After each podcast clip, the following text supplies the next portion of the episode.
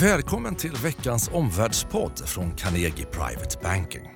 Omvärldsstrategerna Helena Haraldsson och Henrik von Sydow belyser tre händelser inom makro och politik som påverkar de finansiella marknaderna. Det är torsdag den 15 augusti, klockan är 11.50. Vi är tillbaka, spelar in mitt i Stockholms finansdistrikt på Carnegie där våra aktiemäklare just nu på morgonkvisten då har pratat om att det är en utmanande marknad att eh, handla i eh, just nu. Riskaptiten börjar bli lägre, i varje fall på kort sikt. Det här ger möjligen en chans att eh, återbesöka aktier som, som investeraren inte haft en chans att komma in i tidigare på grund av höga värderingar. Vi ska idag ägna oss åt det större pusslet. Vi ska prata om makroläget och de stora rörelserna på räntemarknaderna och dessutom om de många geopolitiska orosmolnen. Vad, vad är viktigast för investeraren att vara vaksam på framåt? Välkommen till Omvärldspodden. Helena, om vi startar med det globala makroläget, eh, makrobilden och hur vi, lite grann hur vi kommer ut ur sommaren. Vilka konjunktursignaler eh, just från sommaren då tycker du är viktiga att nu ta med sig framåt som privatinvesterare? Ja, det var intressant igår när börserna föll ganska rejält på tre oroande tecken från tre delar av världen. Eh, det första var Kinas industriproduktion som visar den lägsta farten på 17 år, tullarna biter. Det andra det var från Europa och den tyska tillväxten som faktiskt föll. Och de har haft lite stagnation hela sista året med många barometrar på lågkonjunktursnivåer, det skrämmer. Och det tredje då, det var det här med räntefall. Vi har mycket låga räntor i USA. En riktigt lång ränta är till och med under 2% där de har sitt inflationsmål. Eh, men också att riktigt långa räntor går under de lite kortare. Det här är vad man brukar kalla för en negativ avkastningskurva. Mm. Historiskt så har det gett recession om än inte direkt. Så det här skrämmer. Så Trumps tullrespit han då undantog lite julklappsvaror som leksaker, laptops och telefoner från högre tullar då första september utan det kan dröja till december.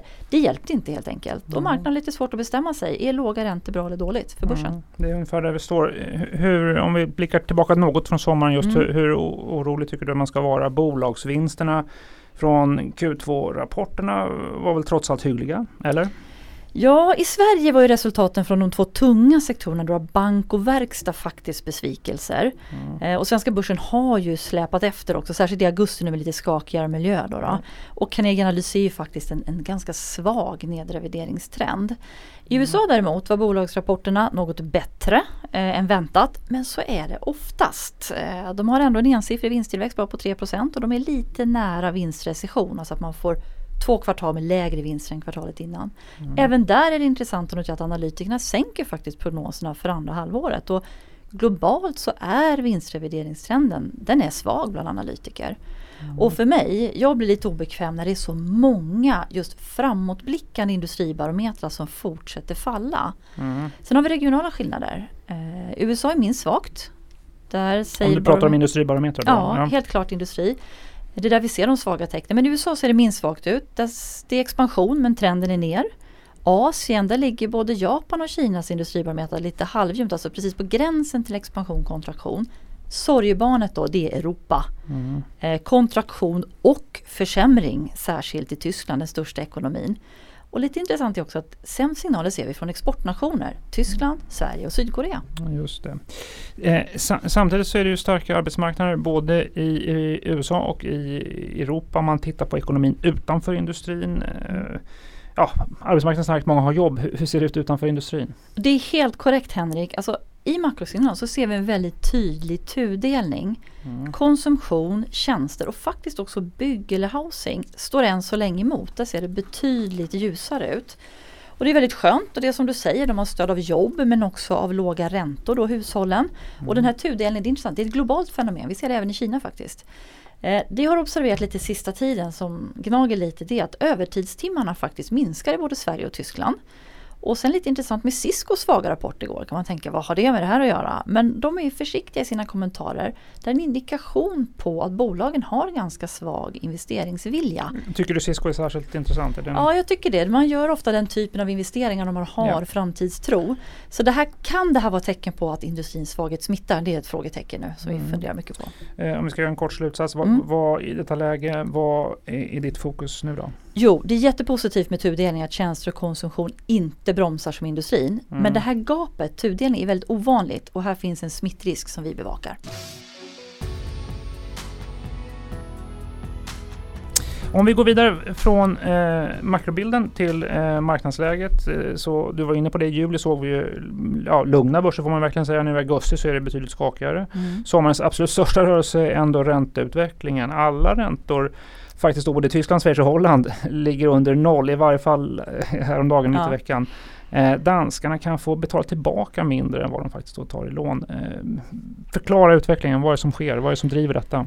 Eh, jo det stämmer precis som du sa om vi börjar med börsen då att sen midsommar så är det mer eller mindre oförändrat till svagt ner på ett globalt aktieindex medan Sverige då är ner 5% Så vår försiktighet till svenska aktier som vi nämnde i våras den har ju betalats under sommaren. OMX30-index är faktiskt den lägsta nivån sedan 28 januari.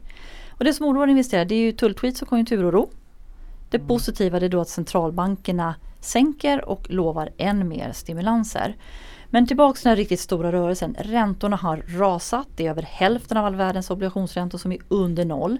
Och i en värld där minusräntor är vanligare då får man ju ingen avkastning alls om man vill placera säkert. Och det här kan ju då ge stöd till aktier för var ska man annars hitta avkastning? Mm. Vad är det som har drivit utvecklingen under, under sommaren då?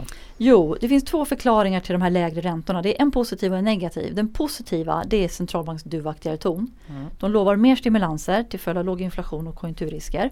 Fed de sänkte ju redan i slutet på juli. De har ju vänt kuttingen nu. Mm. ECB lovar i stort sett göra likadant i september. De bara funderar på detaljerna. Och förra veckan jättestora sänkningar, större än förväntat i Indien, mm. Australien, Nya Zeeland. Däremot orosmolnen blir ju fler och värre och det är den negativa förklaringen till varför räntorna faller. Då flyr nämligen investerare till säkrare placeringar som räntepapper. Då stiger de i värde och då får man lägre avkastning och ränta. Så det är det som händer. Vi ska snart prata mer om orosmolnen men, men vilka tycker du det är som har seglat upp nu då som ja, det är, är marknadsnära? Ja det största är Trumps tulltweet det här med ytterligare tullar från första september, det vill säga ganska nära i tid. Och Kinas svar på det, de lät valutan falla. Det var en rejäl upptrappning av handelskriget som skrämde investerare. Jag skulle vilja säga Brexit också. Mm. Eh, Kambodja ta Storbritannien ut ur EU utan ett avtal. Det kan vara negativt för Sverige. Men det Bojo, Boris Johnson. Boris Johnson, precis. Ja. Tack för det. Det ska mm. du prata mer om Henrik. Men jag tycker man kan nämna också som orosmoln Iran, sanktioner, konflikter om oljetankers. Mm. Protesterna i Hongkong och Moskva. Hur ska de sluta? Mm. På temat risker, en sak som jag tycker vi har lärt oss under sommaren det är ju att hålla koll på växelkursen dollar, kinesiska yuanen. Mm. yuanen får inte gå under sju för att, eh, mot dollarn för då, då stämplas det som valutamanipulering enligt den amerikanska administrationen. Eh, vilken roll spelar det egentligen om yuanen är på 7,01 eller 6,99? Det har blivit ett viktigt tal. Ja, man kan väl säga så här. Det viktiga med 7 var väl snarast att man hade upplevt att centralbanken, alltså People's Bank of China, hade liksom lovat att hålla den nivån. Och sen lät de valutan falla igenom direkt efter Trumps nya tullhot. Det var ett tecken på att liksom alla vapen är tillåtna i krig och det var mm. den här upptrappningen som skrämde investerare. Rent ekonomiskt såklart, om Kina får en svag valuta då kan de ta marknadsandelar på exportmarknaden och då blir det tufft för Asien som redan har det ganska tufft. Mm. Och handelskriget breddas till ett valutakrig. Ja. Eh, I den här miljön, vilken slutsats tycker du vi ska ta med oss eh, som investerare framåt? Ja, det positiva är att det finns ett räntestöd. Det är en positiv faktor. Men sen har vi två negativa faktorer. Svag industri som vi har pratat om och de här orosmolnen. Mm. Så än så länge förblir vi försiktiga till aktier och framförallt svenska aktier. Jättespännande med vad vi får för räntesignaler från Jackson Hole i USA nästa vecka där alla stora centralbanker möts. Mm. Men om man ska göra något konkret så tycker jag på aktier så tycker vi defensiva sektorer som hälsovård är intressanta. Mm. På räntor så ser vi värde i så kallade KK-obligationer. Det är en specialistfond men de har gått, den har gått väldigt bra under sommaren och våra rådgivare kan absolut berätta mer om möjligheter och risker med en sån placering. Mm. Sen vill jag också lyfta fram att vi i våras rekommenderade silver och guld både i strategirapporten och i vår app. Och det har gått fantastiskt under sommaren. Silver har varit en riktig vinnare. Och i år så är faktiskt guld bättre än amerikanska börsen. Och det här, ädelmetaller, det är något vi fortfarande tror på. I den här orosmiljön. Tror på det framåt också under hösten då. Mm. Ja Henrik, eh, sista frågan om orosmoln. Handelskriget utvecklas negativt. Osäkerheten om Brexit har ökat samtidigt som fler geopolitiska oroshärdar har kommit till mm. under sommaren. Om händelserna ska sorteras, vilken tycker du är den enskilt största risken för nordiska privata investerare? Ja, för, för nordiska privata investerare, om man sorterar det, eh, så är ju handelskonflikten inför september. Eh, ja, naturligtvis eh, en, en, mycket stor konkret risk. Lika konkret eh, och tydlig är ju så att säga riskerna för en avtalslös och kanske då oordnad Brexit i oktober följt av amerikanska biltullar mot EU i november. Så, att det, så, så, skulle man kunna sortera det. Dessutom finns det en joker här eh, och det har att göra med WTO som ju håller uppe världshandeln, dess institution. Om det är så att USA fortsätter blockera tillsättandet av nya domar i eh, WTOs tvistelösningsorgan, ja då kan vi få eh, en kollaps för WTO WTO som institution i december. Så det där är ett, eh, det där är ett värsta scenario för nordiska investerare. Det blir i så fall komplett. Eh, sannolikheten att alltihopa det här händer, den är förstås låg, men kanske någonting av det. Så att eh, i den ordningen ska man nog vara vaksam på utvecklingen. Sannolikheter Henrik, vad är sannolikheten för ett avtalslöst Brexit i oktober? Ja, den där frågan lär vi återkomma till kan jag säga. Eh, jag har ett svar redan idag. Eh, jag noterar att Goldman Sachs, eh, den stora amerikanska banken då, med all sin research, sätter en sannolikhet på, på ungefär 50 procent. Ehm, jag skulle nog lägga bedömningen något lägre än just 50 procent, men inte så mycket lägre, kanske ner mot 40 procent. Mycket att det är lite lägre än 50 procent, det är väl ändå då att det här är någonting som man aldrig har gjort tidigare. Det är väldigt stora risker förknippat med det. Eh, jag tror att ett the end of the day så eh, väljer beslutsfattarna både i London och också i Bryssel andra alternativ än det som är det mest riskfyllda givet att insatsen är så pass stor och vi, mm. vi aldrig har varit med om detta tidigare. Så att ehm, eh, ett basscenario är snarare då att du faktiskt fortsätter att pussa, liksom mm. putta den här Brexit-processen ja. framåt under, under hösten och ja. året. Vi lär återkomma till Brexit-frågan ja. men samtidigt just nu så är det så många fler orosmoln. Hur bedömer du att det här påverkar investeringsmiljön? Hur vill du beskriva alltså, läget? Ja, det, för investerare så, så har vi det kanske mest besvärliga geopolitiska läget på, på över 20 år. Mycket beroende på att de här så att säga, ledande geopolitiska indikatorerna som USA-Kina-relationen, USA-EU-relationen, men också då så att säga intra-EU-relationer står på historiskt eh, svaga och dåliga nivåer samtidigt som vi har alla de här händelserna som du har pekat på. Det går att göra en, eh, ja, långa listor över möjliga, så att säga, det som kallas för tail risk då, eh, scenarier som är, som, som är dramatiska, som har kopplingar till Iran och Hormuzsundet och Hongkong och alltihopa det där.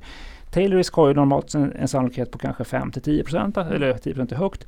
De där kanske har blivit lite högre nu men framförallt har de blivit just fler. Mm. Vilket ju ja, tyvärr då ökar sannolikheten att någon av dem eh, faktiskt kan inträffa. Då är frågan förstås vad är ekonomiska och finansiella konsekvenser av dem. Men det där är sammantaget då förstås bekymrande.